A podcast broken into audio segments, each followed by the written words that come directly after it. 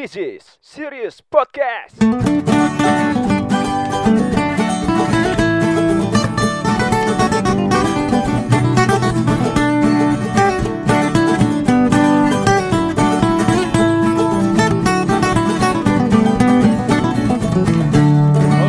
Assalamualaikum wabarakatuh. Welcome back on Serious Podcast. Gak berasa ya. Eh mungkin ini hari yang ke berapa buat lo di tahun 2020 yang ngerasa kayak duh jenuh banget ya, pengen cepet buru-buru tahun 2025. Enggak lah kejauhan. 2021 ya udah syukur. Tapi semoga sehat-sehat aja, aman-aman aja dan pastinya juga ditemenin sama gue Sigit, host dari Serious Podcast. Dan pastinya kalau lo yang belum dengar episode-episode sebelumnya silakan dicek lagi. Dan hari ini ya, gue tag-nya ini sore hari di saat cuaca Kota Padang siangnya itu lagi panas-panasnya, kayaknya sorenya bakal senjanya enak banget nih, gitu. Nah, sebelum menjelang maghrib ini kita mencoba ngobrol dengan orang yang boleh dibilang eh sebelum pandemi ini kayaknya sibuk sekali dan bahkan bisa ditemui di beberapa event atau gigs-gigs yang boleh dibilang young crew-nya anak muda gitu di Kota Padang ya. Langsung aja, halo, selamat siang, Bang Renggi, apa kabar? Oh, yang Sigit, alhamdulillah baik Sigit. Bang Renggi, mungkin orang-orang yang Eh, denger, Bang- eh, mungkin orang-orang yang denger Bang Renggi, eh, mungkin udah pada tahu profesinya kan MC gitu-gitu kan, pasti udah pada tahu lah ya Hmm. dengan sosoknya yang Saya nggak tahu sih sebenarnya. Gue gua kalau ngelihat lu sosok di stage gitu ya, lu lebih ke sosok yang orangnya itu wise banget. Serius lu. kalau jadi MC lebih yang ke wise, yang kebapaan bukan, gitu. bukan loh. wise sih, bukan lebih ke Nah bener, lebih tepatnya om-om able gitu. Secara struktur aja dan juga tubuh kan om-om Bawaannya bawaannya pengen bayar kosan ya. om-om bawa aja pengen beliin iPhone Buset, buset, buset, buset. Hal-hal kayak gitu di Padang ternyata udah banyak ya. Ada, barangnya sehat bang. alhamdulillah sehat sedikit gimana sehat Alhamdulillah. Gimana selama pandemi ini?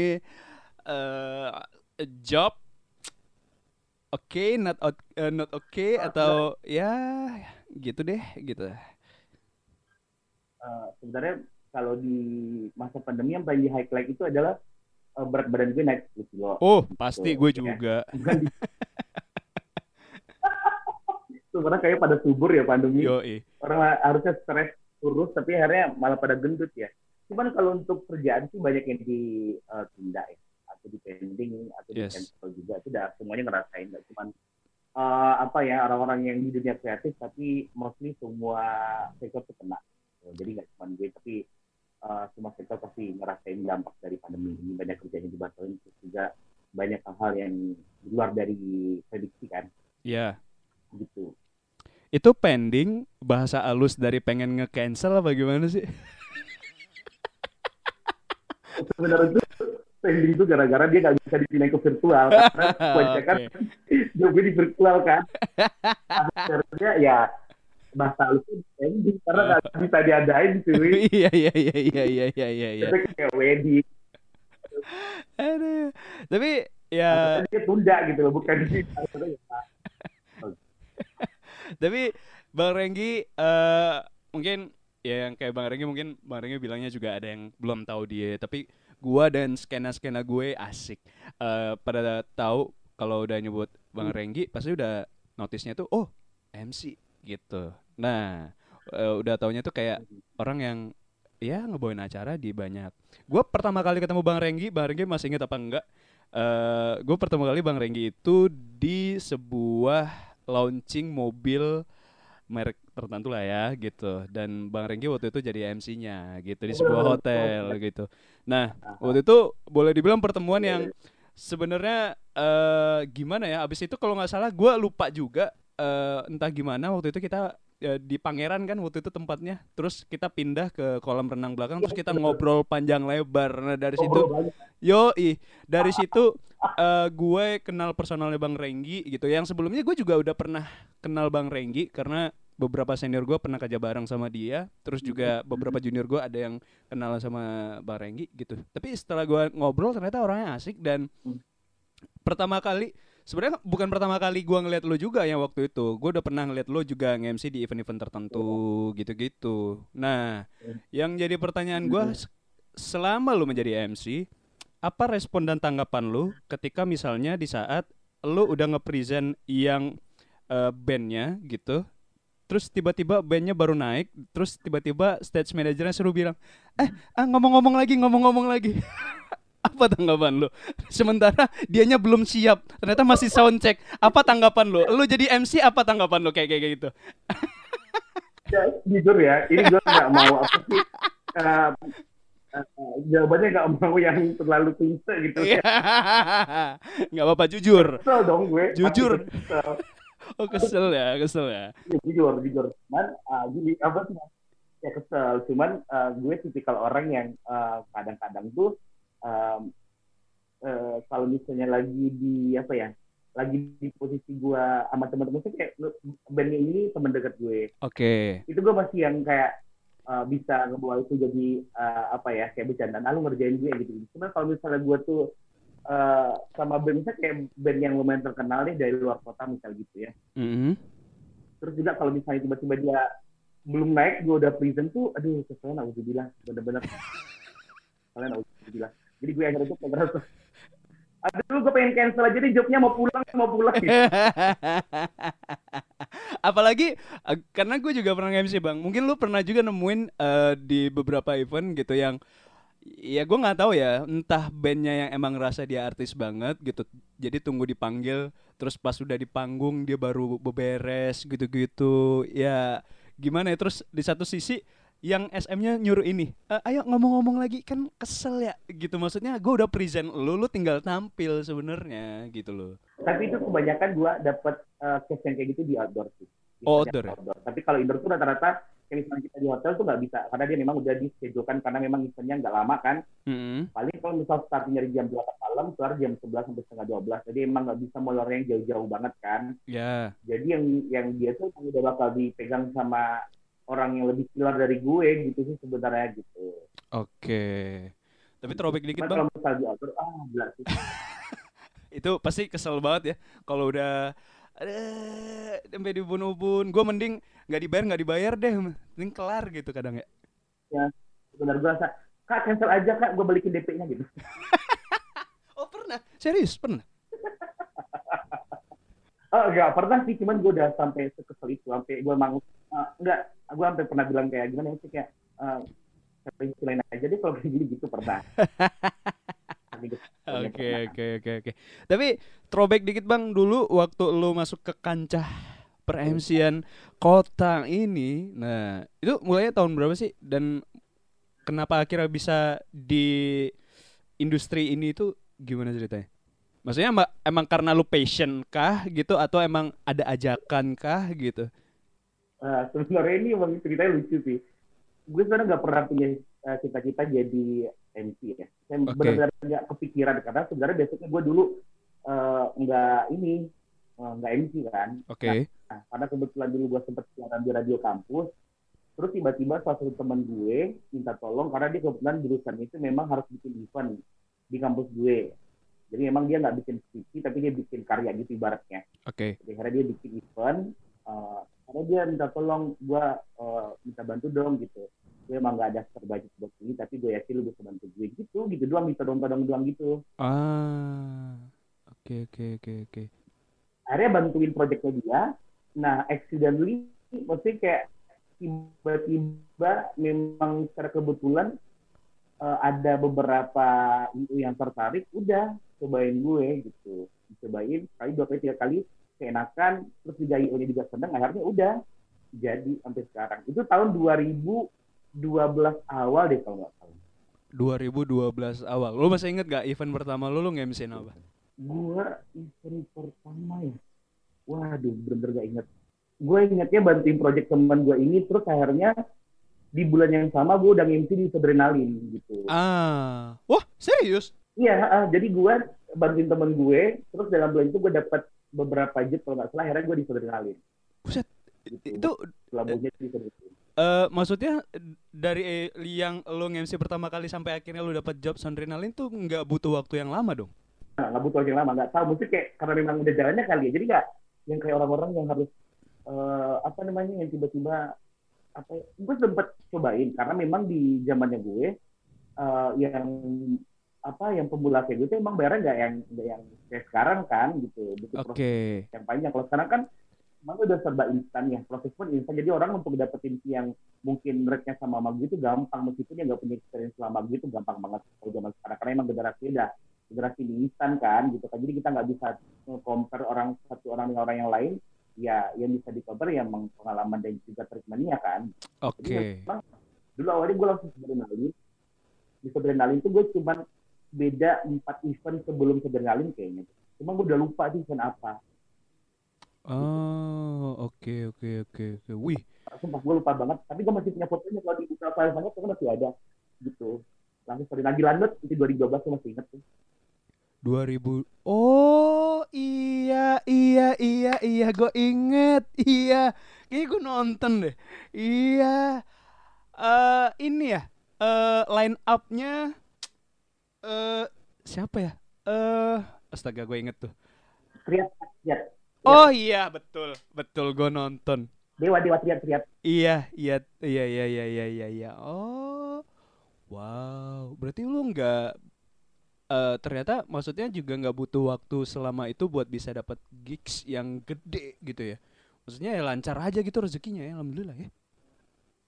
cuman gue nggak alhamdulillah sih karena memang gue dari awal kuliah gue tuh memang eh, apa ya karena jalannya kali aja jadi gue awal kuliah itu memang eh, udah minta sama orang tua untuk eh, biar gue finance free gitu loh maksudnya gue yang biayain kuliah gue sendiri gitu. Hmm. bukan karena orang tua nggak sanggup ya karena memang gue pengen aja gitu loh karena dari awal kuliah udah lagi radio terus gue juga punya beberapa project lagi yang gue eh, pegang yang datangin duit jadi gue nggak merasa bahwa kayaknya orang kuliah gue udah sanggup deh gitu. Oke, oke. Dari oke. awal kuliah tuh udah udah udah biasa sendiri. Ah, oke, oke, oke, oke, oke. Tapi ngomongin soal MC di gigs-gigs besar apalagi MC di musik nih ya. Dia kan kita tahu mungkin kalau selama pandemi bahkan sebelum pandemi ini kayaknya juga Padang soal event musik lagi sepi juga gitu ya, Bang. ya? Atau gimana sih? Kalau Abang lihat ya kemarin-kemarin? Kalau Oh, sepi sepi banget banget. ya, bener kan? Itu gua nggak tahu ya apakah karena aturan apalah gua nggak tahu ya. Cuman di luar sebelum itu kan lagi rame-ramenya apalagi di skena-skena Iya. folk-folk ini kan, musik-musik eh, musisi musisi indie gitu-gitu kan lagi rame kemarin terus banyak banget tuh. Gitu. Iya. eh, banyak banget tuh yang akhirnya datang ke Padang bikin event dan segala macam. Nah, kalau ngomongin soal MC-nya mungkin kalau untuk eh line up-nya atau musisinya mungkin random ya yang kita lihat gitu. Cuman kalau untuk Iya. nah soal MC-nya nih gitu. Orang-orang ngelihat kebanyakan kok dia lagi, dia lagi ya gitu. Apa respon Bang Renggi? gua gua ini hanya apa ya?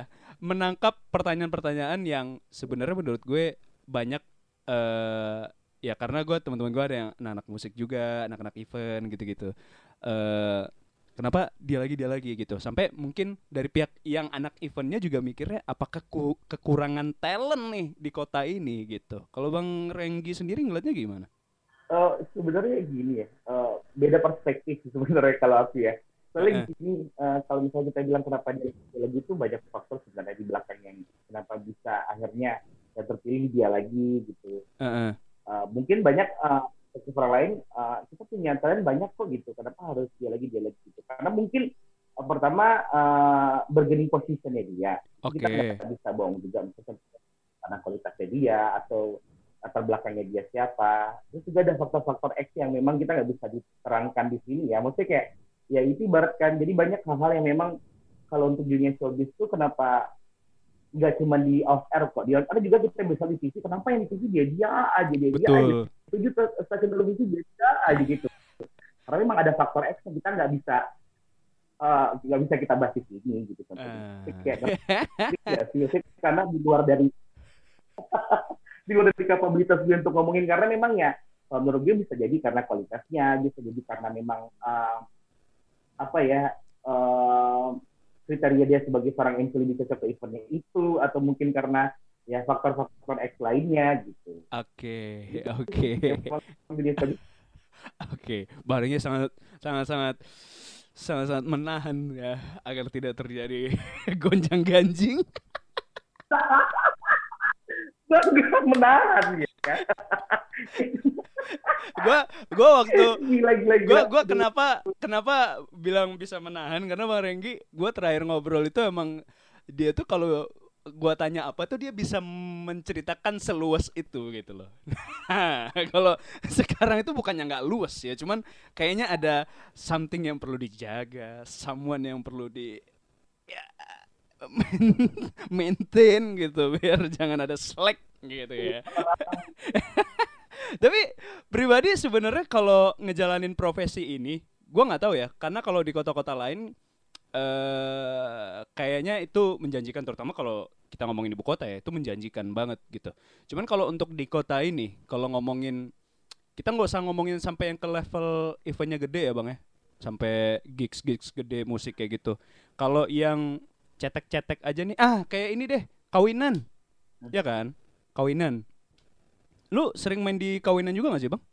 Tapi jangan salah ya, sebenarnya yang menjanjikan tuh malah wedding bukan yang gigs kayak gini. Oh, Cuman memang secara experience dan juga iya, secara experience dan juga deal-dealannya mungkin memang akan lebih gede. Tapi secara continuity-nya yang lebih eh, menjanjikan tuh wedding jangan salah karena memang seumur hidup orang pasti bakal nikah sih.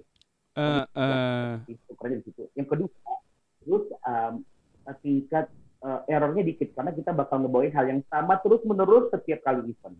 Ngerti nggak? Sedangkan di yang gue kayak gini yang gue jalankan berarti ya. Uh, terus juga event yang memang menuntut gue untuk belajar terus gitu. Karena di satu event ke event yang lain gue harus belajar lagi gitu. Ngerti oke. nggak? Kayak gue nih, uh, ya tapi ini misalnya tuh gue launching produk nih, produk mobil. Itu gue harus hafalin mobilnya, even though gue nggak punya mobil. Bayangin gue nggak punya mobil, gue nggak nggak bisa nyetir, tapi gue ngerti produknya. Bayangin gitu loh. Ya, Nah. Nih, misalnya satu nih gue, satu nih misalnya gue mobil, besok gue uh, minggunya udah uh, brand BUMN misalnya gitu nih yang ngejualin apa gitu. Terus besoknya gue udah kayak ibaratkan tuh uh, eventnya udah yang uh, corporate gitu itu kan beda-beda ya lompat dan loncat ke sana-sana gitu jadi kayak setiap event yang gue jalanin selama itu emang menuntut gue untuk belajar terus Oke, oke, oke, oke. ya kan? Sedangkan kalau di wedding sekali lu bisa bawain satu berhasil ya misalnya ngikut gitu loh. Karena setiap wedding ya ngapain ngikutnya gitu-gitu doang. Masuk tari uh, terus petar petisi pas segala macam. Menurut gue tuh nggak ada tantangannya. Kalau misalnya gue udah coba sekali tuh misalnya gue udah tahu celahnya gue di mana gue harus perbaikin di mana gue harus belajar yang di mana gitu. Nah sisanya gue udah jalanin aja. Tapi kalau misalnya kayak gue yang biasa di gigi itu ya tiap gue event ya gue harus belajar terus gitu. Jadi itu bedanya terus Oke. masalah menjanjikan apa enggak balik lagi sebenarnya menurut gue sih tergantung orangnya kalau di gue sih belum ya kalau di gue sendiri sih belum belum menjanjikan cuma secara experience dan juga pengalaman dan pengetahuan menjanjikan gitu Oke. juga mungkin secara privilege juga menjanjikan karena memang lu bakal punya akses untuk bertemu dengan orang-orang yang memang orang biasa nggak bisa ketemu. Betul, betul, betul, betul, betul, betul, betul, betul. Tapi eh kalau Ya, uh, ya, kalau secara ini ngelihatnya Abang sekarang kalau untuk mungkin ya secara talent ya masih stuck orangnya di situ-situ aja atau yang sebenarnya udah udah bagus ya gitu, udah banyak banyak nih ternyata gitu. Bukan ngerasa ini eh, bukan ngerasa ini adalah sebuah persaingan ya, cuman ternyata bibit-bibitnya banyak nih yang akan terus ada di industri ini gitu. Oh gini, kalau misalnya kita ngomongin masalah uh, showbiz di Padang itu memang nggak seberkembang di kota-kota lain. Terus Hmm, juga sekarang tuh banyak orang yang mikir bahwa untuk menjadi uh, talent atau mungkin bintang ibaratkan gitu ya di dunia showbiz tuh ya nggak perlu harus datang ke gig gitu. Karena banyak platform yang sudah mendukung mereka. Betul, Instagram, betul. YouTube gitu yang mereka dulu nggak pernah kenal yang mereka tiba-tiba mikir oh gua kalau pengen jadi artis harus ke panggung nih gitu. Harus naik main event nih ya nggak juga. Lu bisa jadi jadi seseorang ibaratkan yang punya talent yang bagus event dulu cuma di rumah doang contohnya Oke. cover lagu, yang cuma mainin Instagram doang, duitnya juga lumayan kan lu tinggal monetize uh, followers lu doang kan? Seperti itu. Betul. Jadi ya sekarang tuh uh, memang uh, semuanya itu udah jauh berbeda ya dari 10 tahun yang lalu. Kalau 10 tahun yang lalu mungkin nggak banyak orang di Indonesia yang terlalu nge dengan YouTube dan juga nggak terlalu nge dengan platform-platform kayak Instagram atau segala macam gitu ya.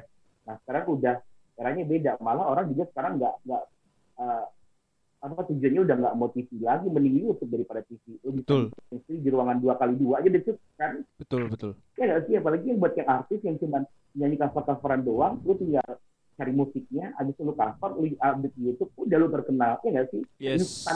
Itu loh gitu Yes. orang zaman dulu kan nggak harus ikut kompetisi dulu harus ikut lomba dulu sampai dikenal banyak uh, produser habis itu ikut ke TV TV show apa segala macam uh, talent search gitu-gitu.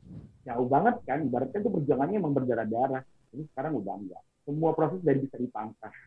Saya mungkin orang banyak bilang ini adalah generasi mie instan Yeah. Gitu. Tapi kalau lu nilainya showbiz dunia entertain di Padang ini bakal gitu-gitu aja atau mundur? Atau ke depannya kayak lu ngelihat punya potensi nih gitu kayak bisa berkembang lebih jauh gitu. Dari nggak hanya dari profesi lu tapi juga dari berbagai eh, profesi ataupun juga bidang yang masuk ada di entertain gitu. Oh, prediksi gue sih sebenarnya kalau dilihat secara sebenarnya kan uh, entertain ini berkembang karena uh, apa sih berberani lurus dengan perkembangan kotanya. Pasti itu pasti kalau kota lu berkembang pesat secara ekonomi terus juga uh, banyak faktor-faktor yang berkembang di kota itu pasti sebenarnya juga akan berkembang menurut gue gitu. jadi uh, kalau misalnya Padang masih begini-begini aja contohnya gini nih salah satunya gitu kalau misalnya kita lihat tuh ada beberapa gue ketemu sama vendor yang dia mau ngadain event cuma di Padang ini eh, nggak ada tempat yang proper untuk ngadain event tersebut ngerti nggak? yes Jadi spek kota kita nggak memadai untuk dia ngelakuin event tersebut gitu. Jadi otomatis ya berkembangnya event yang harusnya datang untuk menjadi ibaratkan daya tarik di kotanya kita tuh nggak bisa masuk dan itu ngebuat kita nggak berkembang kan sebenarnya. Karena nggak ada contoh baru apa segala macam nggak yang bikin kita jadi belajar gitu loh. Jadi ya kalau mikirnya kalau kota kita masih kayak gini-gini aja ya eventnya juga kayak gini-gini aja gitu loh.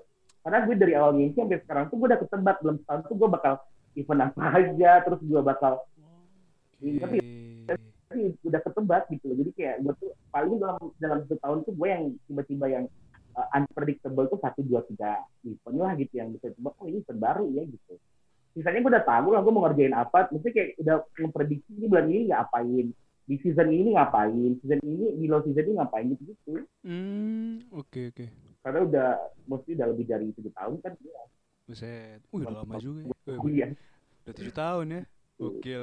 Tapi dalam tujuh tahun itu ada momen di mana lo nge-MC acara orang dan itu kayaknya gua mending gak di situ deh gitu. Nggak harus nyebut acara, tapi apa yang bikin lo sebel gitu? Apakah tiba-tiba lu disuruh MC tanpa briefing dulu, tahu-tahu disuruh naik panggung aja gitu, tidak di-treat dengan baik atau eh malah eh, orang eventnya nggak ngasih rundown. Gue pernah sekali nih bang ya agak curhat dikit. Eh gue minta rundown yang punya yang punya acara nggak tahu rundown gitu-gitu. Puyang gue puyang asli itu lucu banget. Itu lucu banget asli. Asli itu lucu banget. Kalau kalau lo pribadi apa? Yang kayaknya lo aduh udah keterima lagi gitu. Tapi aduh sebel banget nih gue gitu kalau udah gini-gini nih gitu. Terus sebenarnya kalau misalnya kayak lu bilang tadi kan kadang-kadang disuruh MC nggak dikasih rundown, gue pernah banget terima. Tapi sebenarnya itu eh, akan teratasi kalau misalnya kita udah terbiasa aja sih sebenarnya gitu. Karena misalnya kita bisa ngehandle sesuatu itu, gue pernah nge-MC sama satu senior kita, gue gak perlu sebut senior di atas gua. Itu kita event, kita nggak di briefing, yang di sana kita langsung MC dan dia bisa. oke Bayangin, keren bayangin gue belajar dari situ. Jadi itu memang sebenarnya tuh jam terbang dan juga pengalaman ya. Cuman gue sebenarnya kalau di sisi gue itu gue a- ada di, di empat tahun kali empat tahun apa lima tahun gue nge-MC itu gue pernah ngerasa bahwa aduh kayaknya eh, eh, gue nggak fit into this job deh gitu. Terus kayak gue ngerasa bahwa sepertinya secara eh, apa sih secara hati gue tuh gue nggak nggak cocok sama event yang beginian gitu bukannya apa sih kalau kesel mah setiap event tuh pasti aja gini setiap event tuh pasti aja eksekusi nggak sesuai dengan apa yang kita udah rencanain pasti. Karena Ah, memang di atas kertas itu di pas persekusi itu beda banget. Itu eksekusi itu pasti beda pasti bakal ada yang ini satu dua itu wajar wajar banget malah.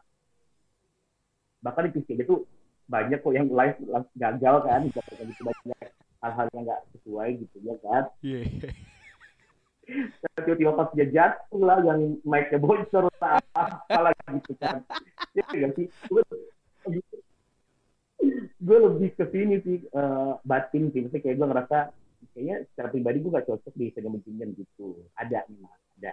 Ah, jadi Oke. itu memang selama gue eh, kerjain itu emang gue tuh eh, kelihatan nggak enjoy emang serius. Tapi gue harus profesional kan. Yes. gue memaksa untuk bisa ngerasain bahwa itu adalah sebuah kenikmatan dalam pekerjaan padahal nggak bisa gitu. Karena memang kan balik lagi kalau kita nanya kerjaan lu nyaman nggak? Bukan masalah gaji lu lu nyaman nggak? Lu sesuai nggak sama kerjaan lu sekarang? Lu merasa kayak the right man on the right place nggak? Gitu. Asik. itu ibaratkan gitu. Lu tetap nggak Siap, siap. ibaratnya gitu. Jadi gue memang ada beberapa event yang gue ngerasa ah nggak gue banget gitu ada. Ada ya. Tapi lagi-lagi ya se seenggak enak-enaknya nggak kita ngerjain gitu ya kita enak gitu. Tapi kalau cuannya bikin enak ya kita betah juga ya bang ya nah terkadang yang kita merasa nggak enak lama-lama enak gitu loh. Iya. Tapi ini benar-benar benar. Karena gue juga uh, mikirnya gini ya, uh, ada memang di, fase-fase yang kayak gini uh, uh, awalnya kayak ada gini di desa itu banyak gitu kan orang ya, yang memang dia mencari ekstensi, public acceptance, ada yang cuman uh, mencari engagement, maksudnya kayak ya mencari ketenaran, famous sama segala macam gitu. Tapi in the end of the day, gue ngerasa bahwa uh, gue di dunia entertain ini bukan uh, masalah gue dikenal sama orang apa enggak serius sampai sekarang mungkin ya kalau orang yang udah temen sama gue dari zaman dulu ya awal pertama kali gue pakai Instagram sampai sekarang emang sebenarnya tujuan gue untuk uh, di dunia showbiz itu buat bukan untuk gue jadi artis yang gimana gimana enggak karena memang sebenarnya itu adalah gue butuh kerjaan karena gue punya tanggung jawab yang gue harus lunasi dari pekerjaan tersebut gitu ngerti nggak oke oke gitu. Jadi gue dulu kan dari zaman kuliah kan kerja gitu. Kalau gue nggak kerja, gimana cara gue bayar uang kuliah gitu loh. Jadi akhirnya tuh kayak gue tidak memikirkan gue harus sekolah. Bahkan juga tuh banyak teman-teman gue yang bilang itu beda banget nih antara di panggung sama di kampus. Beda banget. Gue kalau di kampus mah bisa nggak mandi ke kampus. Serius, terusnya kayak gue senyaman-nyaman gue gitu loh. Se, se, aku akunya banget gitu kan kayak Iya. ya Seada-adanya kalau kata 420 mah. kita ada-adanya gitu bahkan juga kadang gue bahkan tuh di di area kos gue tuh orang udah pada hafal gue tuh kalau nggak pergi ke mana-mana gue ke rumah makan pun gue nggak mandi bener pure nggak mandi gue bangun Oke. tidur nggak sisir rambut gue segigi doang langsung ke rumah makan sumpah sampai saat ini Iya iya iya iya iya iya iya, betul betul betul betul. jadi kayak kalau misalnya tiba-tiba orang lihat gue di panggung terus dandan ya kebutuhan aja sih. Karena memang gue tipikal orang yang setiap harinya nggak bisa dandan. Segala macam gue nggak nyaman dengan hal yang terlalu perintilannya ram ngerti sih kayak harus minyakan terus gue harus pakai baju yang proper apa segala macam. Beda kalau misalnya itu kebutuhan. Misalnya kayak gue mau acara wedding nih mau diundang sama teman tapi kalau lu ketemu sama gue dalam keadaan gue emang lagi ngapa-ngapain ya emang kadang gue cuma pakai baju tidur celana pendek udah jadi gitu maupun maupun kayak gitu juga ja- jabanin Iya iya iya iya. Kadang yang ke bener sih Bang, kadang yang kepikirannya itu karena kayak gua misalnya MC itu yang kepikiran sama gua tuh adalah ribetnya eh menyiapkan diri kita biar terlihat perfect di atas panggung itu loh. Gue tuh udah ribet ribet di situ mikirin, bukan mikirin kayak bukan mikirin acara ini bakal berlangsung kayak gimana teknis, bukan. Mikirin ribetnya dari ujung rambut sampai ujung kuku. Yang kalau misalnya kita keringetan di atas panggung, ntar yang kalau nanti eh keringetan, bedak luntur lah, eh, kelihatan berminyak lah, atau misalnya nanti rambut pakai pomade atau apa gitu, salah-salah pakai pomade atau minyak rambut, ntar luntur lah, aduh, itu nggak enak banget. Gua, gua aja tuh bawaannya kalau misalnya abis nge-MC ya, eh cepet pulang langsung mandi mau jam berapapun, itu karena badan tuh nggak betah lengket banget rasanya, asli gitu. bener bener peliket kan peliket ya bener bener bener banget enak banget asli. Gue tuh udah mikir di situ sampai situ, bukan mikirin Sama banget pikiran kita sama banget persis. bener. Kadang gue nggak mikirin duit loh bang, jadi mikirin aduh, aduh pakai gituan lagi, aduh harus digini ini digituin nih, ah males banget gitu. Kayak kadang gue ngerasa itu bukan diri gue gitu kadang kan. Kayak misalnya dibedak-bedakin tuh kadang gue awal-awal aja itu kayak aduh males banget nih gini-gini. Gue biasa ya ya santai aja gitu ya kan? Nah cuman ya ya itu. Makanya gue ngerasa ada, gue ngerasa bahwa enaknya jadi beberapa pub- public figure yang uh, dia tuh bisa tampil apa adanya tanpa harus. Gue sempet yang sampai bingung itu uh, salah satu artis nih yang ngomong ya gimana dong? Gue kalau masalah baju uh, pakai hari ini nggak bisa dipakai lagi gitu. buset. Bisa dipakai tahun lagi gitu. Buset. Wah, gue jadi kaget?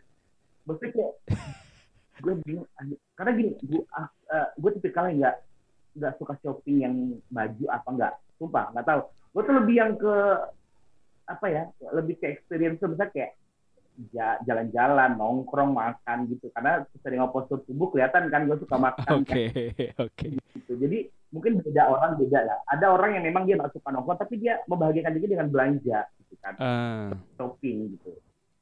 Ya memang eh, senangnya investasi gitu, senangnya jualan gitu kan banyak ya. Nah gue tipikal orang yang memang terkadang tuh pasti orang bilang lu kenapa ngemsi bajunya gitu doang gitu. Ya gimana dong gitu. Maksudnya kayak gue memang nggak bukannya gue nggak nggak budget buat itu ya gitu. Cuman kadang gue mikirnya aduh dengan kenapa ya harus seribet itu? Apalagi gue tuh pernah nih dapat nah gue pernah nih yang kesal juga deh. Iya gimana gimana gimana? Tapi kalau bisa dapat event cuman bajunya kalau bilang susah nyarinya gue pernah tuh dapat event yang kadang-kadang harus superhero terus gue bilang apa yang superhero yang fit into gue? gitu loh.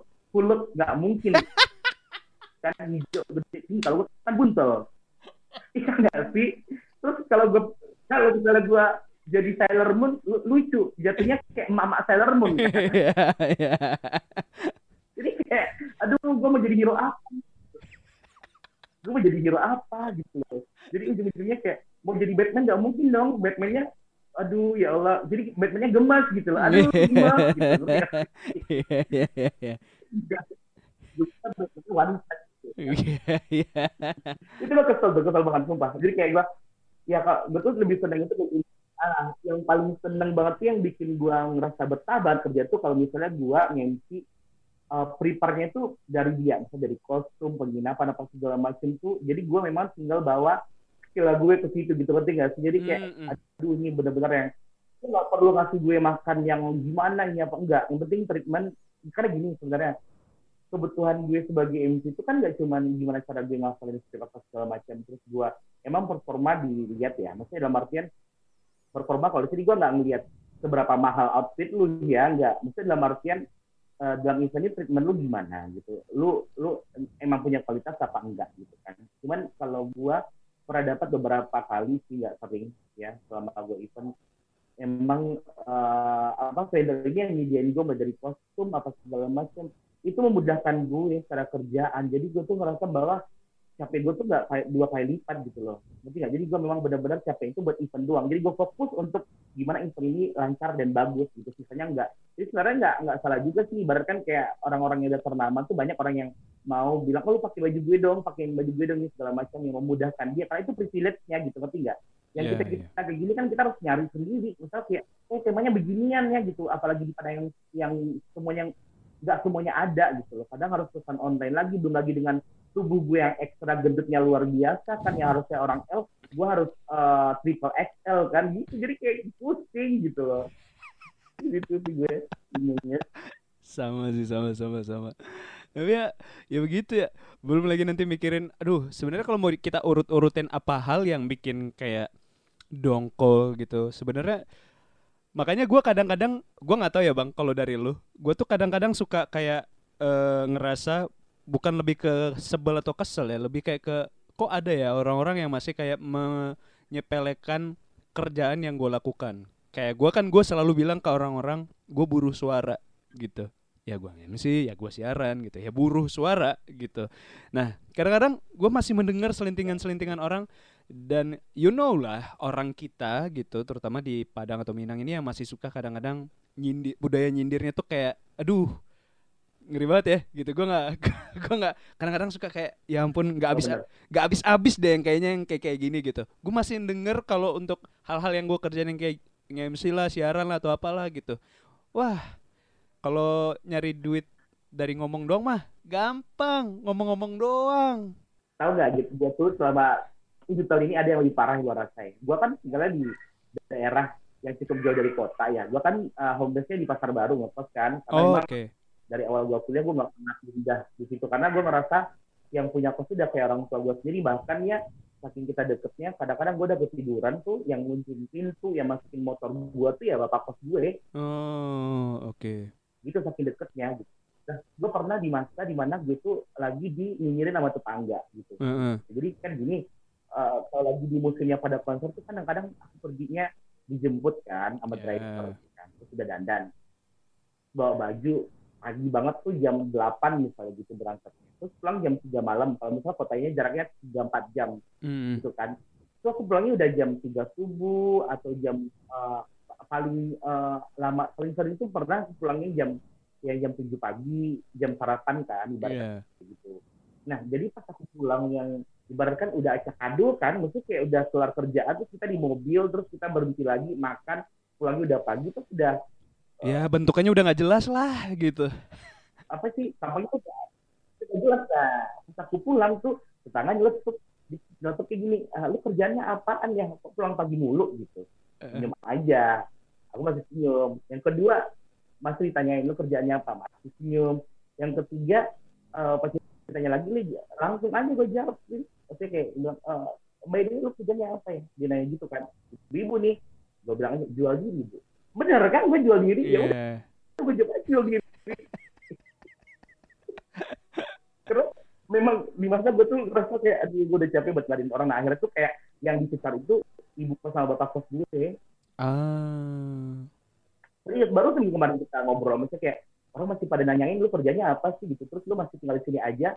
Ya udah dari tahun karena gue udah, eh, gue udah dua kali kuliah kan. Dan gue gak pindah-pindah kos gitu. Karena gue udah wisuda, kuliah lagi, wisuda lagi gitu. Jadi akhirnya mereka nanya, ini dia dari kuliah dan dua kali wisuda dia kerjanya apaan ya? Dia masih tinggal di gubuk derita lu. Dia bilang gitu sama ibu kos gue. Maksudnya kayak di gubuk derita.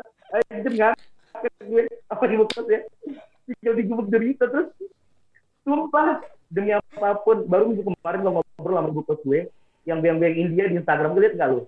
oh oke oke ya ya oh iya iya iya iya iya iya tahu tahu tahu tahu tahu. Nah, gue lagi nanti dia bilang sama gue, lu ibu jawab apa bu?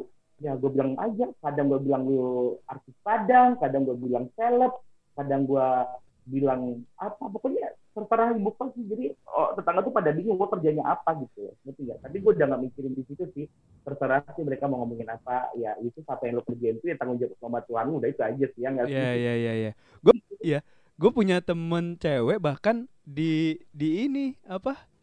eh dibilang artis organ. Sumpah, temen cewek gue sering MC juga gitu. Dan dibilang artis organ beneran, beneran, beneran dibilang artis organ karena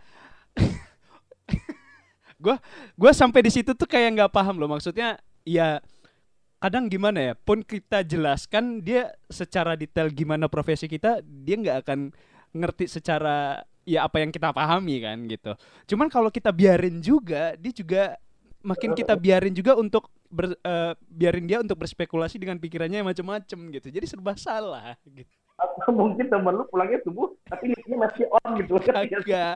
karena karena kalau secara kalau kalau secara baju sebenarnya nggak nggak yang boleh dibilang bukan kayak penyanyi mohon maaf ya bukan kayak penyanyi penyanyi organ gitu loh bukan kayak gitu loh bang.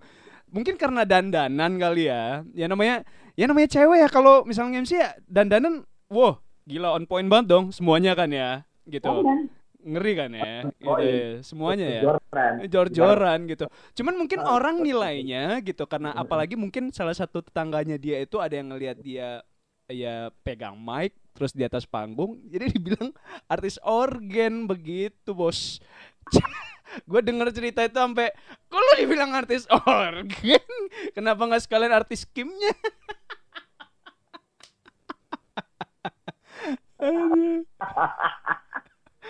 itu lu- Iya, Iya bener bener bener. Kasian juga ya. Aduh. Kasihan, kasihan, kasihan. Tapi Iya juga sih ya. Itu ibarat kan kalau gue tuh mikirnya ya sekarang maksudnya kayak sekarang tuh gue ngerasa bahwa itu salah satu konsekuensi dari pekerjaan kita. Jadi kita nggak perlu yang uh, apa itu personal banget gitu kan gitu. Jangan terlalu uh, iya jangan terlalu diambil serius aja sih. Tapi cuman kalau misalnya udah ganggu banget ya dikasih tahu aja baik-baik.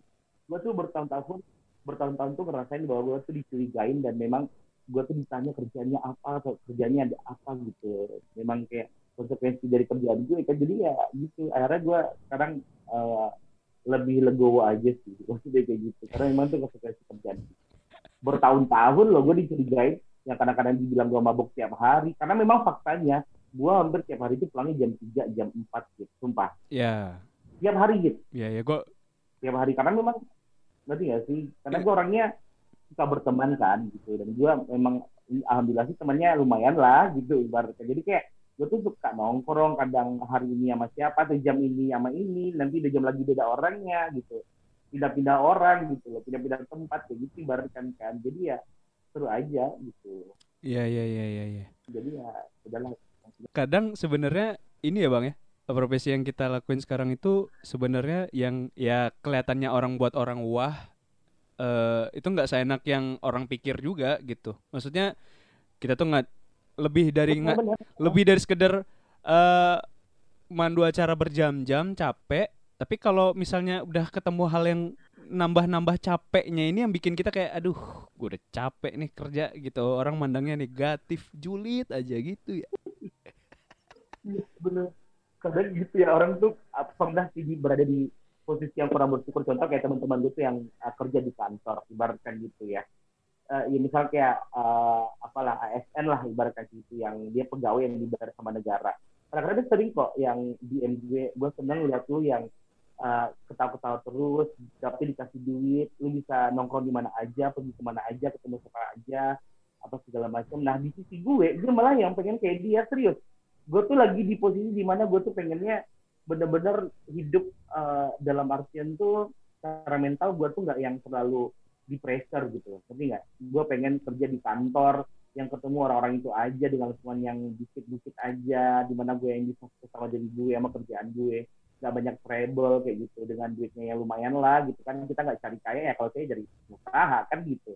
Jadi gitu jadi memang kadang-kadang tuh semua kerjaan even lu kerja uh, 8 to 5 kantoran atau lu kerja lepas. Bahkan gue sekarang lagi di rumah teman gue yang pengusaha tetap aja capeknya udah kayak pengusaha teman gue nih itu kalau sampai jam 3 malam masih di iya kayak gitu gitu jadi ngerasa kayak gue ngerasa ya bersyukur aja sih gitu. Kayak gue sekarang tuh gue ngerasa gue pengen lah jadi dia gitu. Nah mungkin banyak orang di luar sana yang mikir juga pengen jadi gue gitu kan enggak jadi pada akhirnya tuh lu bersyukur aja sekarang lu jadi apa karena mungkin banyak orang di luar sana yang sekarang lagi mimpi buat jadi lu gitu Yes, nggak yes, yes, yes, yes, yes, yes. Wah, sangat inspirasi ya. Ini lulusan apa? Apa KI emang kayak gini ya? Gokil.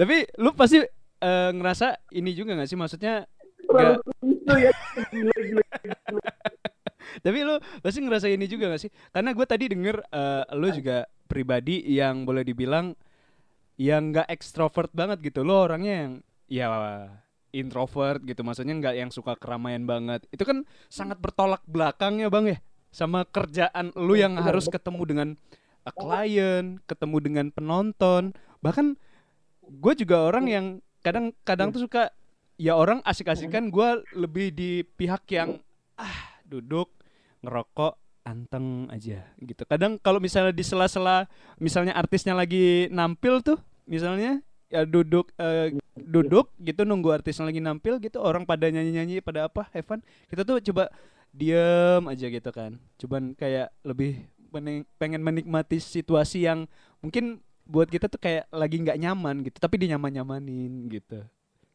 Bener bener bener. Apalagi gini gitu gue kan tinggal di daerah yang lumayan jauh kan. Gue tinggal de de- deket area kampus kan. Mm-mm. di deket arah gunung lagi gitu. Nah, yoi.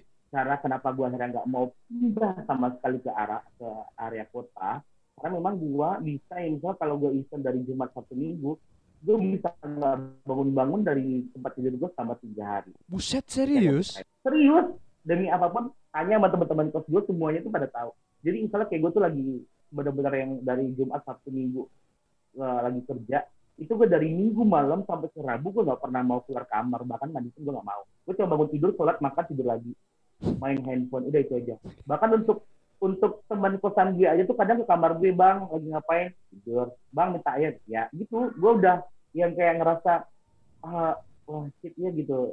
Bahkan kadang ya gue tuh pernah marah banget tuh kayak malam minggu nih. Gue kan lagi libur misalnya gitu lagi libur juga malam minggu gue pengen jalan sama teman-teman gitu soalnya gue bilang eh lagi acara ini nih di sini kita ke situ. Gue langsung marah benar-benar marah berantem gitu. Maksudnya kayak gue tiap kerja bikin keramaian tuh sekarang lu ajak gue ke keramaian. Nggak shit baik gitu.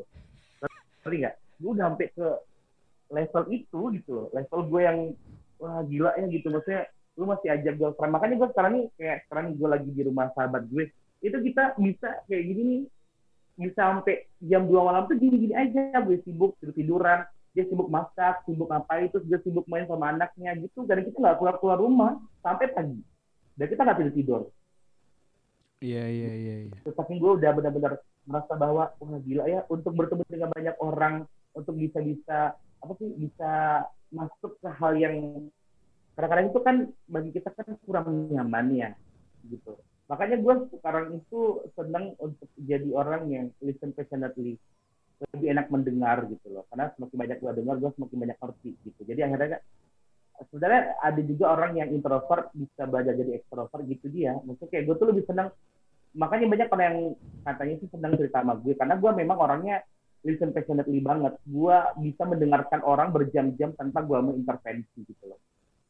Gitu. Dan gue juga bisa kasih feedback selama itu gitu ya hanya untuk bikin dia senyaman itu. Dan gue nggak mau menceritakan apa yang yang gue rasakan gitu. Karena mungkin kadang dengan gue mendengarkan kepahitan orang itu membuat gue terobati gitu ibaratnya kayak gitu tanpa gue harus cerita oh gue lagi ini segala macam. Enggak, enggak perlu gitu. Jadi itu salah satu bukti orang introvert ternyata bisa bisa ngeblend kok sama orang dengan lingkungan lingkungan yang rame gitu. Tapi ya memang dia tetap akan pasif gitu. Even dia orang ngajakin ngobrol dia akan lebih fokus ke orang yang ngobrol dia nggak bakal fokus ke pribadi dia kan banyak orang tuh yang dia duduk tapi dia uh, lebih senang untuk menggali diri dia gitu kan tidak sih nah yeah. gue ketika orang yang lebih yang yang sedang untuk menggali orang lain gitu. Karena gue listen passionately tadi, gue lebih senang mendengarkan experience orang dibandingkan gue harus share gitu. Makanya kadang-kadang orang bilang, lu kerjanya apa nggak ada gitu, lu uh, experience-nya apa, ya gitu-gitu aja gitu. Ngerti gak sih? Jadi kayak gue tipe orang yang nggak terlalu mau gitu untuk menyentuh hal pribadi gue tuh agak susah orang-orang gitu. Iya, makanya kayak yang lu Bahkan bilang. pun gue sedih gak terlalu sedih serius. makanya lu bilang tadi kan lu emang jadi pendengar setia buat banyak orang. Tapi emang kayak gitu loh rata-rata orang itu akan lebih gam lebih mau dan ngeluarin effort untuk ya setidaknya dengerin masalah orang atau ngebantu masalah orang ketimbang dia nyelesain masalah sendiri. Iya gak sih? Benar. Setuju gue. Benar. Karena pada akhirnya begitu. Kita Ya, tuh suka kita kita ya. kita ngeliatin di depan eh, teman-teman kita tuh kayak kita tuh adalah mungkin lu pribadi adalah sosok yang dengerin orang gitu di eh, mau nge- mau denger cerita orang mau denger masalah orang gitu tuh kan kadang-kadang nggak tahu ya lu mungkin ada di fase-fase di mana lu lagi aduh overthinking. Kadang tuh biasanya malam tuh sambil ngeliat langit-langit kamar gitu. Gue mecahin masalah gue sendiri aja tuh kayak aduh ya ampun gitu. Kadang gue juga butuh orang yang kadang gue juga butuh orang di mana gue ngerasa gue butuh untuk nge-share hal pribadi gue tapi gue nggak mau bebanin teman-teman gue juga atas masalah gue gitu gak sih? Bener. Udah terus bener banget gitu terus ada rumusnya sih. Gue ada muka rumus buat gue sendiri ya yang maksudnya buat gue sih bekerja ya work Heeh. gitu jadi kayak berarti gini gue tuh lagi ada ada ada ini ya kayak gue tuh lagi ada masalah di uh, apa sih di society gue atau mungkin di pekerjaan gue atau di hal pribadi gitu nah gue akan cari orang yang mungkin jauh lebih dewasa atau kecil daripada gue dan dia nggak berada di lingkungan gue dan dia juga berada di lingkungan yang berbeda. Contoh misalnya gini dia adalah orang yang kerja di kantor doang yang cuma ketemu sama benda mati, ngerti nggak? Atau gue ketemu sama orang yang eh, gitu, orang yang memang logis pekerjaannya yang logis banget. Gitu. Eh, orang yang numerik lah ibaratkan. Gitu. Heeh. Jadi gue cerita sama dia nih, gue mau dapat perspektif lain dari orang yang memang dia tidak selingkuhan sama gue. Karena kalau misalnya kita masih bercerita dengan orang yang selingkuhan sama kita, itu perspektifnya akan eh, sama gitu ngerti nggak sih dia kalau nggak yang belain lu mati-matian kalau nggak ya dia bakal eh, apa sih namanya ya menganggap lu salah gitu ngerti nggak Iya, iya, iya. tapi kalau misalnya kita cerdas dengan orang di luar dari pekerjaan kita terus kita minta saran sama dia masukan itu dia bakal kasih perspektif yang memang kadang-kadang nggak kita duga gitu karena memang dia berada di lingkungan yang berbeda yang kita nggak pernah tahu kita nggak ngerti juga kerjaan dia terus juga dia juga nggak ngerti kerjaan kita tapi yang ada itu kita dapat perspektif yang lain dalam artian tuh dia bakal mm, ngasih masukan secara personal gitu loh ngerti nggak Betul. Dia bakal ngeliat cara fisikisnya kita gitu. Misalnya misalnya kayak gini gue cerita gini sama macam. Kayaknya uh, uh, lu lagi depresi. Misalnya kayak lu udah depresi anjir amit-amit kayak terus lu laginya lagi stres ya. Atau mungkin lu lagi uh, banyak tekanan deh gitu lagi sibuk-sibuknya. Lu coba liburan deh atau lu coba apa gitu. Ngerti gak sih? Dengan iya. dia yang memang nggak ngerti kerjaan gue tapi dia ngeliat gue secara uh, fisikis dia jadinya tahu mau ngasih masukan tuh dari mana gitu. Ngerti nggak tapi kalau misalnya kita cerita dengan orang yang masih selingkuhan dan pekerjaan sama kita itu dia masih masih akan mengarahkan kita betul-betul ke situ aja gitu loh. Kalau menurut gue ya tapi gue ceritanya sama temen gue kayak gue yang sekarang nih kalau gue kan bisnis nih. Kalau Hmm, gue cerita apa-apa segala macam dia pasti yang melihat itu objeknya gue gitu. Oke. yang gue ceritain ini secara pribadi lu gimana gitu. Misalnya kayak lu lagi stres nggak nih? Atau lu lagi banyak masalah nggak? Lu ada masalah di di banyak lingkungan. Misalnya kayak gue dulu kuliah kerja juga gue punya organisasi. Banyak hal yang gue kerjain. Misalnya gue multitasking udah dari dulu kan. Akhirnya tuh kayak teman gue yang di luar dari mereka yang bertiga ini gue cerita akhirnya dia bilang lu nggak bisa yang aduk semuanya lu nggak bisa kerjain semua hal yang yang sama. Karena lu bukan robot gitu. Lu manusia lu harus mengorbankan banyak hal. Lu harus mengabaikan beberapa hal yang memang nggak nggak butuh lu fokusin sekarang. Gitu. Jadi Iya, kayak iya, iya. mereka reminder gitu. Maksudnya ngingatin gue untuk eh, akhirnya ya secara personal lu harus memperbaiki diri lu. Lu harus bikin diri lu tenang. Lu harus pergi jauh-jauh dari hal-hal ini dulu gitu gitu. Aduh. Gitu sih kalau gue. Enak ya kalau yang emang sudah seper ini ya, seper apa ya, ngerasa ada beban juga di dalam diri. Karena orang mungkin nganggapnya profesi-profesi yang ya secara entertain gitu ya. Menurut orang glamor, hidupnya enak, seneng, bawanya tuh party tiap hari gitu. Bawanya tuh tiap hari kayaknya aduh senang-senang gitu. Padahal enggak, Bos. Sesenang-senangnya nih orang yang misal Gak usah kita yang ada di event itu kali ya bang ya Iya. Kita yang datang ke event orang Terus kita happy-happy gitu Abis happy-happy kita pulang Kita ngadap eh, langit-langit kamar Kita akan kembali ke jiwa-jiwa sendu kita gitu Kita akan mikir Wah gua nggak benar Gua kok kembali ke diri kita sendiri gitu. Eh, eh, Kok gua gini-gini aja. Kok ngapain ya gua lagi ya? Gitu-gitu. Pasti ada pertanyaan-pertanyaan hidup yang Aduh harus cepet-cepet gue selesaikan gitu. Bener dan akhirnya tau gak gitu gue juga pengalaman kayak gitu ya. Maksudnya kayak gue sering mempertanyakan gue mau ngapain habis ini gue gini-gini aja gue mau jadi apa segala macam. Nah memang ternyata ketika kita bicara dengan orang-orang yang memang lagi apa ya seperti itu dengan orang yang tepat itu dia mesti bakal uh, ngasih kita perspektif yang banyak. So kita kan memang lagi di berada di uh, apa ya quarter life crisis ya Yes Ah, gitu. Jadi memang di umur-umur kita kan memang lagi di situ kita mempertanyakan diri kita, kita membandingkan diri kita, kita meragukan kapabilitas dan juga eh, ya kapabilitas kita gitu. Nah terus akhirnya di situ eh, teman-teman gue itu pada akhirnya itu menyadarkan bahwa nggak cuma lu doang kok gitu. Memang ini emang di titik lu harus eh, mikirin itu gitu. Emang eh, di umur segini emang semua orang kayak gitu. Jadi kayak dia nggak seenggaknya itu menenangkan gitu Bah- bahkan juga ya apa yang gue pikirkan banyak orang yang mikir kayak lu nih juga mikir gue ngapain ya kok gue gini-gini aja gue salahnya apa kurang gue di mana gue harus ngapain ya kan semua orang di umur kita pasti bakal mempertanyakan itu Iya. gitu dan pada akhirnya juga eh, apa ya makanya gue kalau misalnya kayak gue nih tiba-tiba gue cerita sama teman gue yang profesinya guru gitu. nah di posisi dia dia tuh selalu melihat gue tuh terlalu banyak hal yang eh, positifnya. Maksudnya terlalu banyak hal yang bisa gue gua perlihatkan ke orang lain sedangkan dia enggak. Gue gini-gini aja cuma ngajarin orang pulang ke rumah. Terus gue di rumah ya gini-gini aja pulang jam 2 sedangkan lu bisa ngapa-ngapain lu bisa ngajarin orang lu bisa ng- ngasih perspektif yang banyak ke orang lain ngasih ilmu yang positif segala macam. Sedangkan gue enggak gitu. Jadi akhirnya tuh kayak gue belajar juga dari dia gitu. Ternyata dengan profesi dia yang gitu aja dia juga minder gitu. Dia juga punya hal yang dipertanyakan kok gue gini-gini aja? Pulang pagi terus siangnya udah pulang eh pergi pagi siangnya udah pulang nanti di rumah gue ngapa-ngapain kayak gitu gitu jadi akhirnya tuh kayak gue ngerasa ya gue sekarang lagi memang nggak mau ngeliat kiri kanan gue nggak mau membandingkan even pun orang melihat gue dengan perspektif yang negatif ibaratkan umur udah segini gue masih begini-gini aja ya balik lagi kita uh, uh, setiap orang tuh punya waktunya sendiri-sendiri yang dikasih Tuhan kita punya uh, jalannya masing-masing kita memang berada di laut yang sama kita berada di perahu yang berbeda pelabuhan kita pun berbeda kita berlayar pun juga berbeda udah gitu Mm, mm, mm, mm, mm. Aduh, jadi udah adem ada ya. posisi Ada- itu sih gue ada- gitu? Jadi kultum ya. Pas lagi mau menjelang maghrib ini. iya bener bener gak sih? Lu udah ngerasain ke titik itu nggak? Lu udah ngerasain ke titik itu nggak? Wah, Rasain dulu. Too much.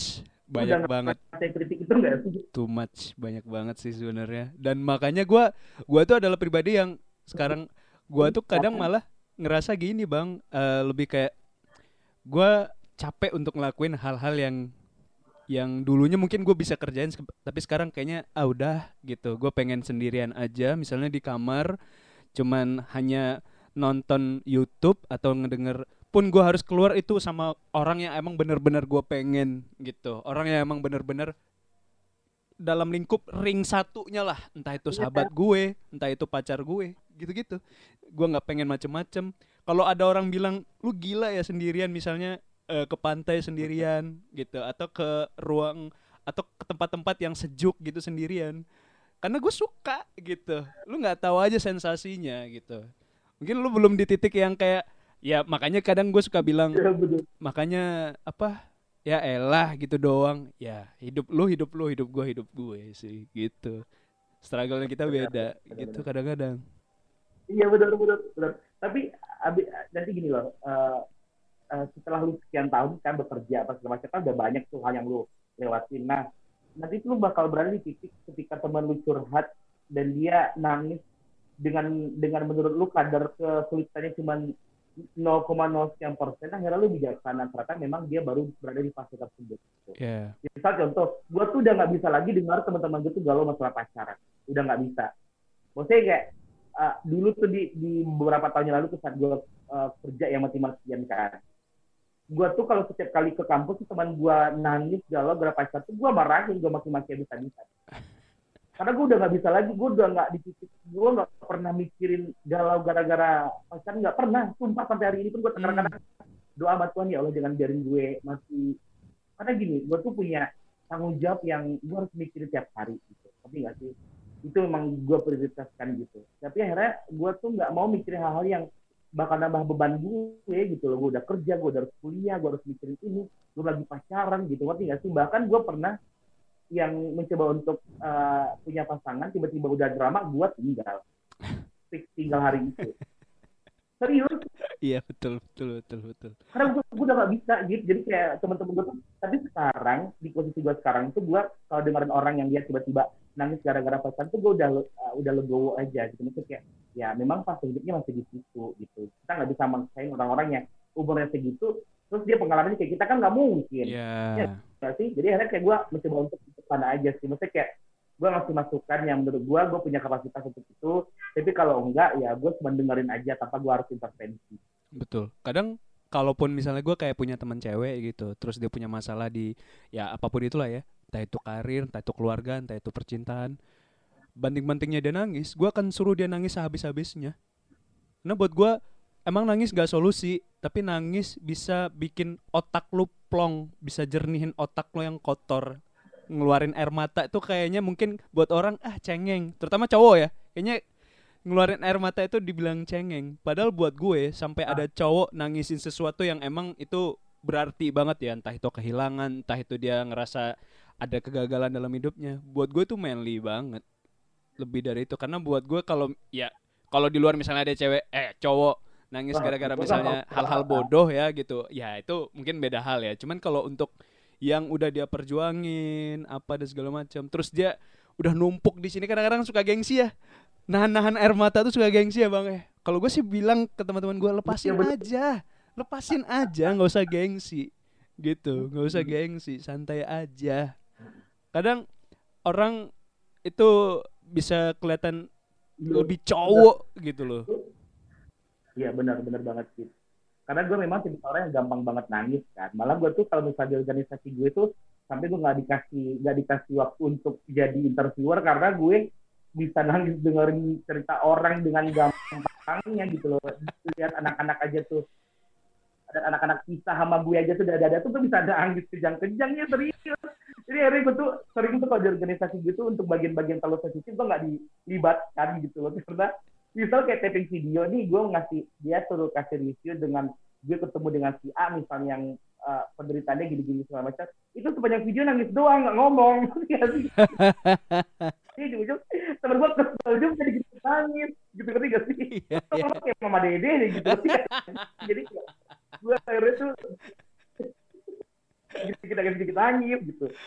Itu iya serius. Kadang gue tuh kayak beberapa waktu yang lalu tuh sebelumnya lalu kayaknya temen gue telepon terus dia cerita dengan keadaan dia dengan dia dengan keluarganya tuh gue maksudnya dengan dia yang tenang-tenang aja sambil ketawa cerita gue yang udah meler gitu karena gue ngerasa ini serius apa sinetron sih karena gue ngerasa bahwa ya gue kan tipikal anak yang deket banget kan sama papa sama mama ya emang deket banget malah gue tuh belajar merokok di depan orang tua gue sendiri gitu Ah. gue deketnya gitu. jadi hari itu kayak gue ngerasa adanya keluarga yang kayak gini ya gitu. Ngerti gak sih? Sampai gue sampai saat itu masih yang tidur pakai kolor doang pakai underwear sama orang tua gue terus tidurnya eh masih disuapin gitu gitu karena gue Oh. terakhir kan gitu. Jadi gue nggak malu untuk Oh, Oke. untuk ngeliatin orang-orang kalau yang segitunya gue sama mama sama papa gue gitu loh. Sekarang gue kalau papa gue keluar rumah tuh pulangnya berapa titip rokok dong gitu. Segitunya. Iya iya iya iya. gue segitu sama orang tua gue akhirnya tuh ketika, ketika teman gue cerita dia dengan ibunya yang gini atau ibunya udah nggak ada atau ayahnya sama ibunya udah pisah atau segala macam yang sedih gue. Karena gue nggak pernah berada di titik itu dan akhirnya gue belajar gitu. Gue belajar banyak dari dia yang memang eh, banyak hal yang kayak gini. Kita ngeliat orang ah dia beruntung banget ya hidupnya ini segala macam. Terkadang dia beruntung sekarang tuh karena pahitnya udah dihabisin sama dia dulu gitu. Kan gak sih? Iya. cuma ngeliat manisnya doang gitu. Pahitnya dia gimana kan gitu. Karena sekarang lihatnya gitu wah beruntung banget dia sekarang udah dapat ini kerjanya ini duitnya segini keluarganya gini nah lu nggak lihat dulu masa pahitnya gimana gitu Iya. nah gue belajar banyak dari situ sih sebenarnya Betul betul betul betul betul betul.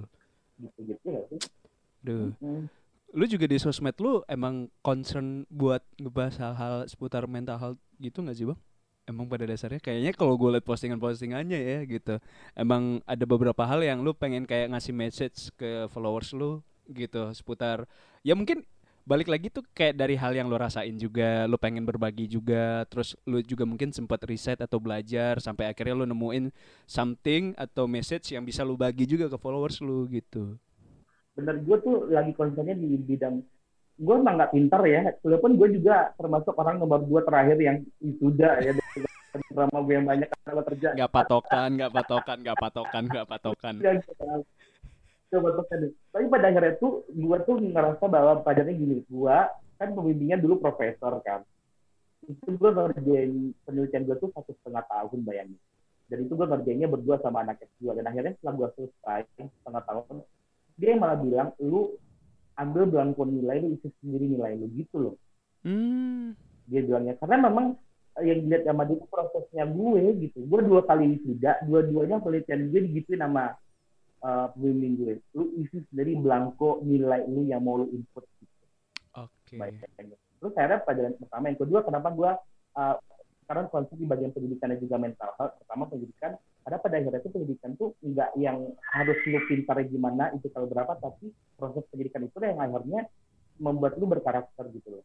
Gue juga lulus dengan IPK 3,1 loh dengan teman gue yang sebelah gue duduk dengan IPK dia 3,98 bayangin sekarang dia udah lulus S2 hmm. Dan kuliah aja dari awal sampai sekarang tuh nggak pernah ngeluarin duit sampai jajan itu tanggung negara gitu. Ngerti nggak sih? Iya iya. Tapi pada akhirnya tuh bayangin gue pernah tuh ketemu sama dosen gue nggak emang bener-bener udah nggak ngerti lagi gimana cara memperbaiki karena gue emang nggak pintar di bidang studi itu. Akhirnya gue cuma bikin di kertasnya bu gue nggak bisa ngisi gue minta maaf. Akhirnya gue dikasih nilai A bayangin. Oke. Karena gue hadir setiap setiap hari gue hadir gue ngerjain tugasnya dia kuis gue ikut kalau dia ngasih pertanyaan gue jawab. Tapi di saat ujian gue terkendala ya dia tetap mengapresiasi proses gue. Hmm. Nah, dari situ gue lihat bahwa ternyata uh, yang penting di pendidikan ini adalah prosesnya, bukan hasilnya. Hasil adalah bonus buat lo. ngerti nggak? Jadi akhirnya tuh kayak gue memang konsen di di dunia pendidikan dan juga mental health. Kenapa? Karena gue semakin berkembangnya zaman semakin banyak orang yang ternyata mental health-nya rusak Oke.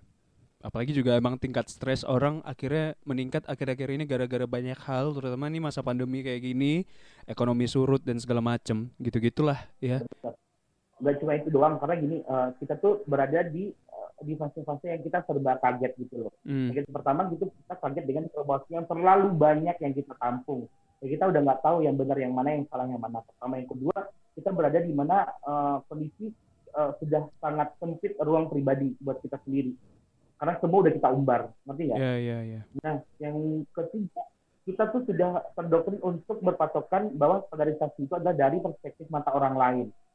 Oh cantik lu harus kurus, harus cakep apa segala macam hmm, hmm, hmm. oh lu bisa ini apa segala macam lu harus gini-gini karena ini apa segala macam karena itu dia tadi makanya kenapa akhirnya semakin berkembangnya zaman semakin banyak mental health orang yang terganggu ya karena itu tadi mereka nggak siap. Nggak siap untuk memfilter informasi nggak siap untuk memfilter uh, pandangan orang lain gitu. Dan Hmm. juga head speech yang di mana-mana. Mungkin dulu orang nggak kenal media sosial uh, ya banyak orang yang terlindungi secara mental ya karena nggak. Ini bahkan kita di Indonesia sampai orang Amerika pun bisa komentari hidup kita. Bahkan dia Betul. nggak tahu kita tinggal di mana dan di mana kita kan gitu. Nah akhirnya ternyata secara gua baca-baca kalau nggak salah ya lu bisa lihat juga tujuh dari 10 orang di dunia ini mental health-nya terganggu. Cuma kadarnya beda-beda. Iya, iya, iya.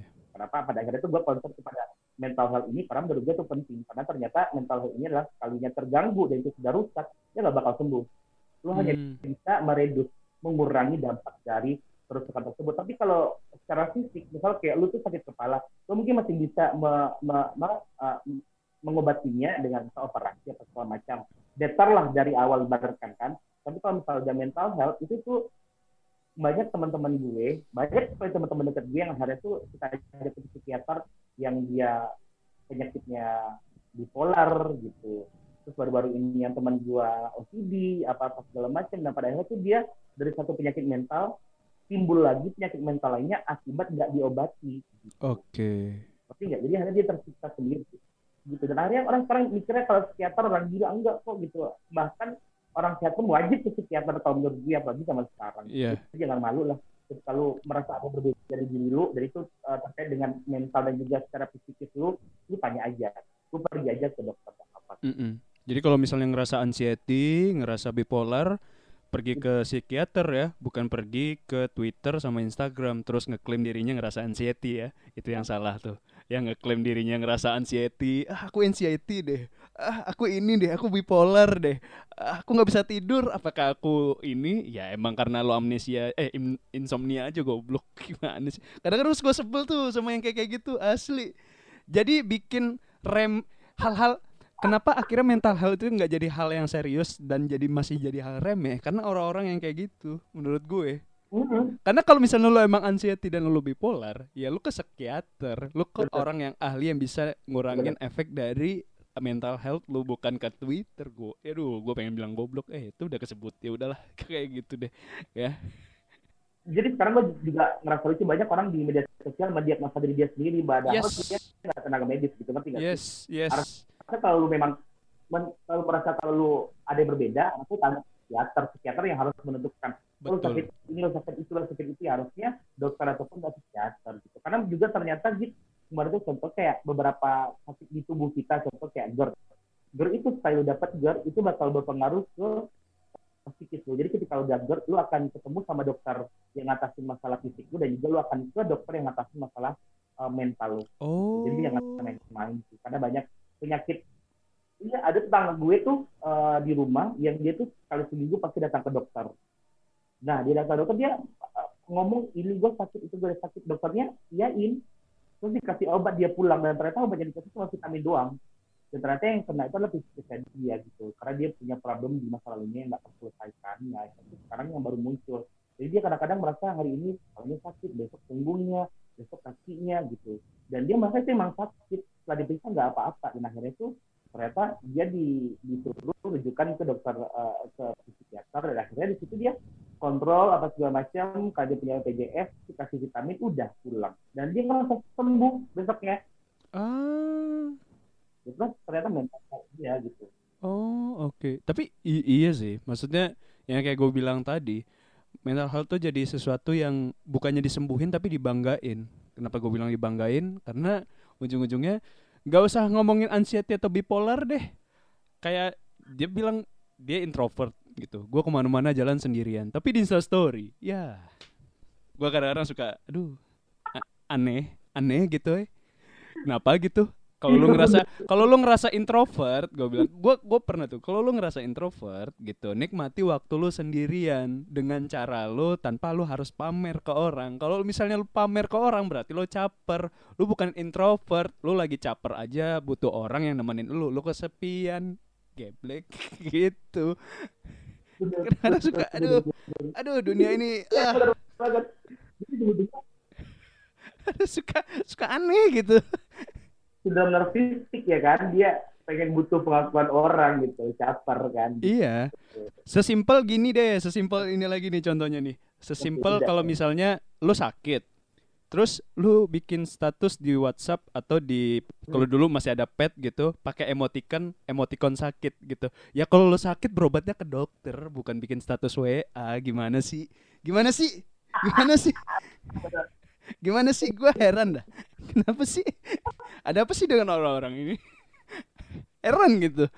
Kenapa lu biar ditanyain eh sakit ya gitu. Ya Allah, tahun berapa nih? tapi Jip ngomong-ngomong jangan salah ya orang-orang kayak kita tuh adalah orang yang akan lebih gampang untuk uh, terkena mental health orang-orang yang bekerja di showbiz apalagi ya banyak sih aku baca kemarin itu karena memang uh, kita termasuk orang uh, yang mungkin tekanannya lumayan ya gitu. dan juga uh, lebih beresiko untuk terkena tapi semua rata-rata berkesempatan gitu dan juga memang ada yang dari lahir atau dari kecil mereka tuh udah ada cabang untuk mental health-nya contohnya kekerasan Ya, ya, ya. atau mereka uh, sex abuse gitu-gitu di masa kecilnya. Nah, gedenya rata-rata mereka semua 80% mungkin saja akan terkena mental health. Oh, oke, oke, oke, oke. Lalu pernah dilecehkan untuk kecil atau lu sering mendapatkan kekerasan, bullying. Nah, lu akan merasakan dampaknya bukan setahun dua tahun, tapi akan merasa dampak itu ketika lu udah dewasa. Yang, dan itu yang bekerja alam bawah sadar lu gitu. Makanya kenapa gua harinya concern karena menurut gue lingkungan gue dan juga lingkungan orang-orang lain tuh gak seberuntung yang kita tapi contoh kayak gue jadi mau dia Indah mungkin gak beruntung banget ya istrinya gue mana SMP di mana gue di mana ada juga keluarga siapa ya Iya. sih? Nah ini kan gue sekarang di sekolah negeri biasa, itu pun di kampung. Jadi, jadi, jadi menurut gue tuh kenapa gue harus concern di sini? Karena menurut gue, kalaupun di gua nggak bisa, iya nggak sih? Gitu. Sekolah di kampung loh, serius. Sekolah di kampung, nggak yang kayak mau di Ayunda. Sekolah dia setahun bisa habis 800 juta kali itu ya di Iya, iya, iya, iya. internasional ya school itu. Iya, iya, iya. Jadi karena gue merasa bahwa kalau misalnya nggak nyampe di gue, enggaknya generasi setelah itu tidak lagi terkena dampak orang-orang yang tidak mengerti bagaimana cara menjaga kesehatan mental, nggak cuma kesehatan eh, fisiknya aja. Betul. Karena itu jadi sa- salah satu masalah yang serius juga bahkan beberapa tahun terakhir lah gitu ya. Cuma lagi hype-nya sekarang karena mungkin orang-orang udah pada aware gitu soal mental health dan juga nggak bisa Benar-benar. ngegampangin juga gitu. Benar. Terus yang gue highlight banget nih, ternyata gini, gue mencoba bikin konten-konten yang seperti itu nggak sebenarnya konten-konten receh yang orang-orang bikin nggak sih? Ah, konten-konten dia itu gue nggak bilang receh ya maksudnya konten-konten yang berantem sama pacar misalnya Hmm. konten yang dia maki-maki misalnya gitu ngerti nggak eh, ya eh, akhirnya tuh kayak gue ngerasa bahwa eh, konten-konten yang menurut gue edukatif ini memang eh, apa eh, engagementnya juga eh, apanya nggak terlalu tinggi gitu karena memang orang mungkin kali ya di media sosial nyari yang gitu-gituan contohnya kayak orang pengen lihat orang yang bacot-bacotan atau orang yang pengen lihat gitu-gitu lebih tinggi Hmm. banget malah ya di luar ekspektasi kan tapi nggak apa-apa itu memang menggambarkan society kita gitu bahwa ternyata pendidikan juga mempengaruhi apa yang bakal kita tonton mm-mm, betul. Pengen lebih pengen ngelihat eh, zodiak yang suka selingkuh siapa aja gitu ya kan. Apa sih? nonton Netflix ya. ya. Kalau Netflix itu kayak misalnya gue lihat beberapa program di negara-negara maju mereka ada sitkom yang lucu cuma lucunya itu lucu yang yang pintar ngerti gak sih? Eh, itu ngakak tapi pintar. Harus nyela. Baca-baca gila lo gitu gitu. Jangan ngadi deh lo gitu kan kayak ya, ya lucu pintar gitu. Lucu tapi situasinya situasi yang ya emang accidentally lucu lucu yang memang lucu banget gitu yang nggak bikin bikin lu harus maki-maki orang apa segala macem gitu. Karena sedangkan kita mereka lucunya itu harus harus ngebully orang lucunya itu harus ini apa segala macem. Nah pada akhirnya kan nggak semua orang juga bisa diterima kalau misalnya fisiknya disinggung nggak semua orang juga yang kadang-kadang kadang juga di, di depan kita dia bisa ketawa di belakang gimana kan nggak nggak kita nggak tahu.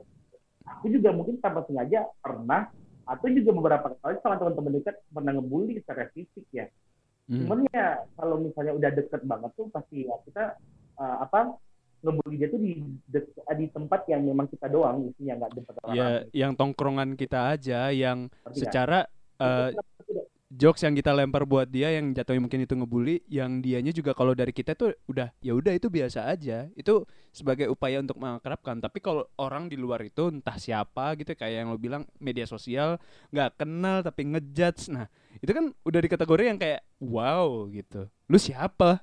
gitu. Tiba-tiba lu ngomongin postur badan gue tiba-tiba lu ngomong nanya yang lebih aneh nanya-nanya agama gue gitu. Belum kenal padahal eh, aneh banget gitu Iya benar, benar-benar. Bahkan gue dengan keluarga yang cuma segini aja, kayak gue juga ternyata mendapatkan efek yang cukup buruk sih dari Instagram itu, seperti kayak beberapa efek depan ganggu gue, terus gue Instagram juga pernah dihack berkali-kali, Gmail gue juga pernah dihack berkali-kali, terus juga beberapa kayak isi eh, apa ya, misalnya gue tuh banyak misalnya kayak banking gue ke Gmail, apa segala macam. Mereka sempat lihat juga, gitu. Jadi akhirnya gue ngerasa keganggu aja.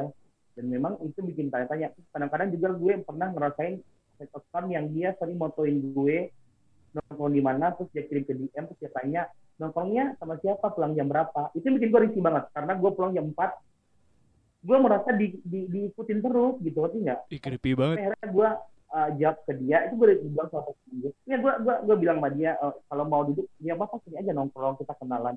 Jangan yang di DM DM kayak gini gue jadinya merasa dihantuin gitu. Terus dan sampai sampai sekarang masih masih aja.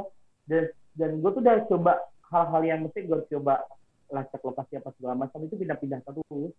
Karena fake account kali ya dia menggunakan device yang berbeda-beda.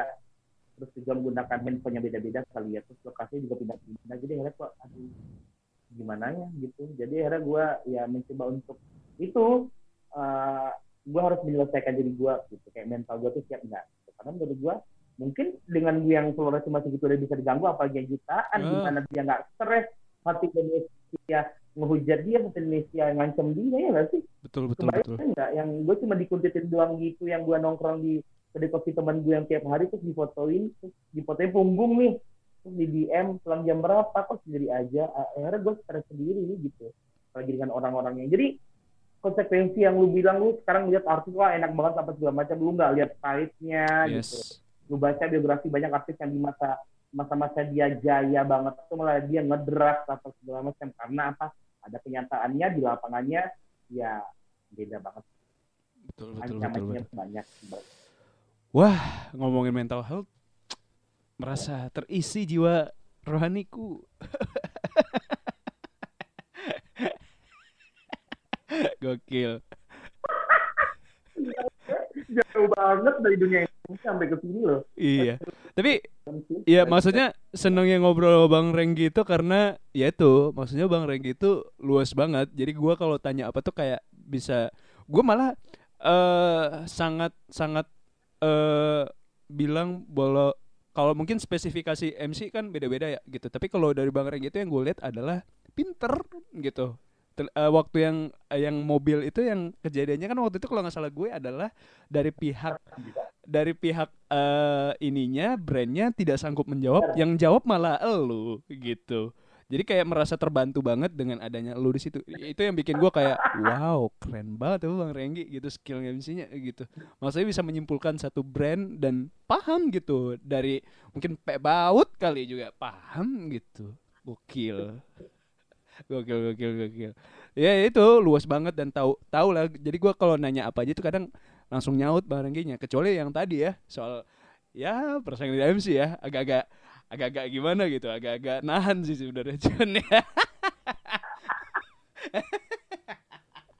Tapi gue setuju banget sih mudah-mudahan platform ini bisa lebih gede karena memang pada akhirnya tuh gue uh, uh, salut sih uh, gue ngerasa salah satu selama ini gue live dan juga apa segala macam salah satu orang yang benar-benar bisa uh, ngegali mungkin nggak ngegali ya maksudnya benar-benar bisa ngebuat gue se, se apa ya terbuka dan juga seluas ini salah satunya lu. Gitu. Aduh, aduh jadi nggak enak ya. Padahal saya biasa aja tuh. Asik. Saya tuh kayak gue ngerasa Nah ini gak mau diambil yang ngadi-ngadi ya. Gue tuh mungkin kalau lihat orang, wah dia ketawanya ngeri ya gitu. Ketawanya lebar banget, ketawanya ngangkat banget gitu. gitu. Iya. kalau gue sih iya gitu ya pengen ya bebas aja gitu, nggak harus terpaku gitu ngobrolnya gitu. Tapi ini pertanyaan yang akan sering keluar ketika lu ngisi-ngisi seminar atau lu diundang-undang jadi pembicara apalah public speaking. Pertanyaan saya akan tanyakan juga ke Anda paling umum sampai mungkin ini adalah pertanyaan terakhir yang bisa Anda dengar. Mungkin besok-besok nggak Anda akan nggak mau terima pertanyaan ini lagi. Bang, gimana caranya jadi MC itu, Bang? Yang baik, yang bagus, yang keren. Nah, ayo jawab noh. Pertanyaan paling paling paling common paling biasa aja itu mah. Ayo jawab dong. Gimana bang caranya jadi MC yang bagus bang? Ayo dong, ayo dong. Eh, tapi sebenarnya jujur ya, semua ya, semua orang bisa jadi MC. Percaya nggak lo? Percaya sih gue. Gue percaya. Ah, percaya. Nah benar gue juga percaya semua orang tuh uh, bisa jadi MC.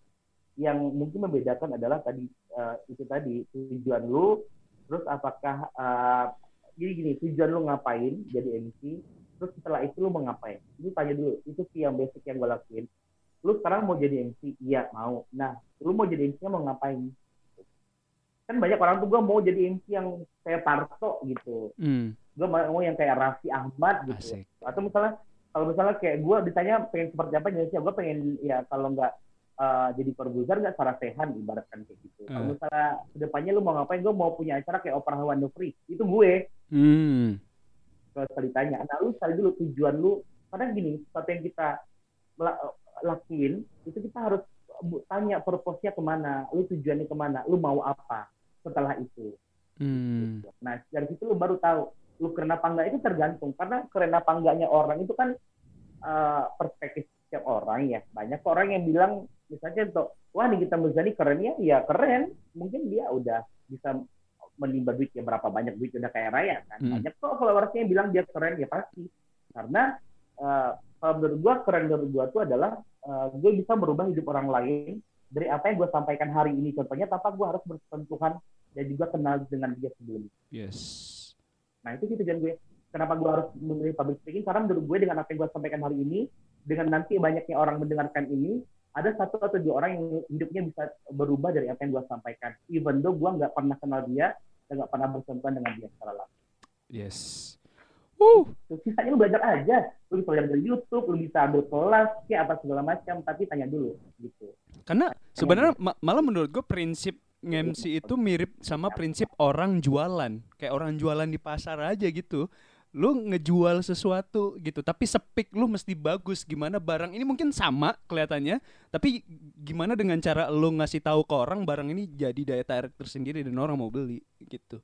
Nah benar. Benar jadi spek MC itu beda-beda. Ada yang MC itu memang dia edukatif mm -hmm. ada yang memang MC itu adalah uh, orang yang uh, memprovokasi orang lain ada yang MC itu memang dia mempengaruhi orang orang lain. Nah yeah. supaya kayak lu pengen intinya gue pengen konser gue pengen ini segala macam. Pokoknya nanti lu seiring berjalan waktu lu ngerti lu bakat di mana contoh kayak gue tuh gue mungkin bisa gue bilang gue bakat di yang jualan gitu. Gitu karena memang jurusan gue relate. Gue kan di manajemen nih gue relate tuh gimana cara gue manajemen pemasaran kebetulan kan jurusan jadi gue memang ternyata oh gue ini ya. Nah ternyata pas gue gali ternyata gue lagi seneng bukannya gue punya bakat ya gue bakat tadi misalnya kayak MC jualan. Tapi ternyata gue lebih passion kalau misalnya gue ngisi di acara seminar, acara yang memang uh, kayak terakhir tuh gue pernah uh, acara uh, corporate itu namanya IATIA, uh, International Association Teknik Perminyakan Indonesia, di mana orang hmm. tuh acara gathering tapi dia berbagi ilmu, dia ada seminarnya, membahas tentang undang-undang, membahas tentang uh, kejahatan-kejahatan undang-undang di negara kita, kemajuan teknologi, terus compare dengan negara-negara lain ada lima enam negara yang datang juga di situ. Nah akhirnya gue bisa betah dan tanpa ngantuk untuk dengerin mereka gitu loh. Dan ternyata gue ngerasa gue lebih berbakat di acara- eh, lebih passion di acara seperti itu gitu. Nah banyak orang yang ternyata wah gue passionnya di di gigs nih di konser karena gue eh, orangnya eh, apa dandan banget gitu. Gue eye banget. Tampilan gue eh, apa namanya pada tampilan gue eh, indie banget lah atau urban banget gitu-gitu. Ada gitu tapi itu tadi lu harus ingat lu mau apa dan tujuan lu ngapain. Nah di situ lu baru tahu lu bisa jadi MC karena apa enggak tuh ya itu tergantung orang lain. Karena kita nggak bisa bilang oh gua keren nih. Nggak bisa. Toh juga kalau misalnya kita tanya Keanu keren nggak keren kok. Banyak orang yang bilang Keanu keren. Kalau nggak keren tak keluarnya nggak mungkin satu juta? Betul, betul, betul, betul. nah lihat lagi perspektifnya di mana. Siap. Say thanks banget buat Bang Renggi udah mau eh, share ilmu gitu, udah mau share, udah mau bagi, kalah banget gila udah mau bagi banyak hal sih sebenarnya ya gitu. Thank you banget gitu. eh wah, karena jarang karena terakhir kita ngobrol lama itu kapan ya? Kayaknya udah lama banget enggak gitu loh. iya udah tiga tahun yang lalu Kalau kalau ketemu juga ini apa di gigs juga ya gitu. sebentar doang gitu sapa-sapa aja gitu tapi thank you banget buat waktunya sorry udah diganggu sore-sorenya udah mau diganggu gitu Gak apa-apa, aku juga thank you banget nih. kapan-kapan kita bisa ketemu lagi Bakal dengar, bakal lihat, bakal sekian gue nih dengerin. siap Siap, pasti. thank you bang Renggi Sama-sama Sigit, sukses terus buat podcastnya. bye bye bang Renggi assalamualaikum Bye. Waalaikumsalam warahmatullahi wabarakatuh.